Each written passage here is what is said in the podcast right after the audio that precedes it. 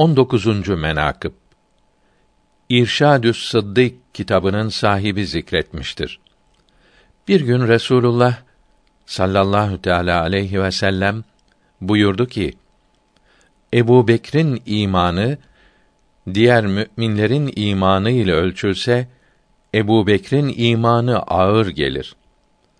Bir rivayette buyurmuştur ki, Rüyamda gördüm ki kıyamet kopmuş. Mahşerde terazi kurulmuş. Bütün müminlerin imanı tartıldı. Ebu Bekir'in imanı cümle ümmetin imanından ağır geldi.''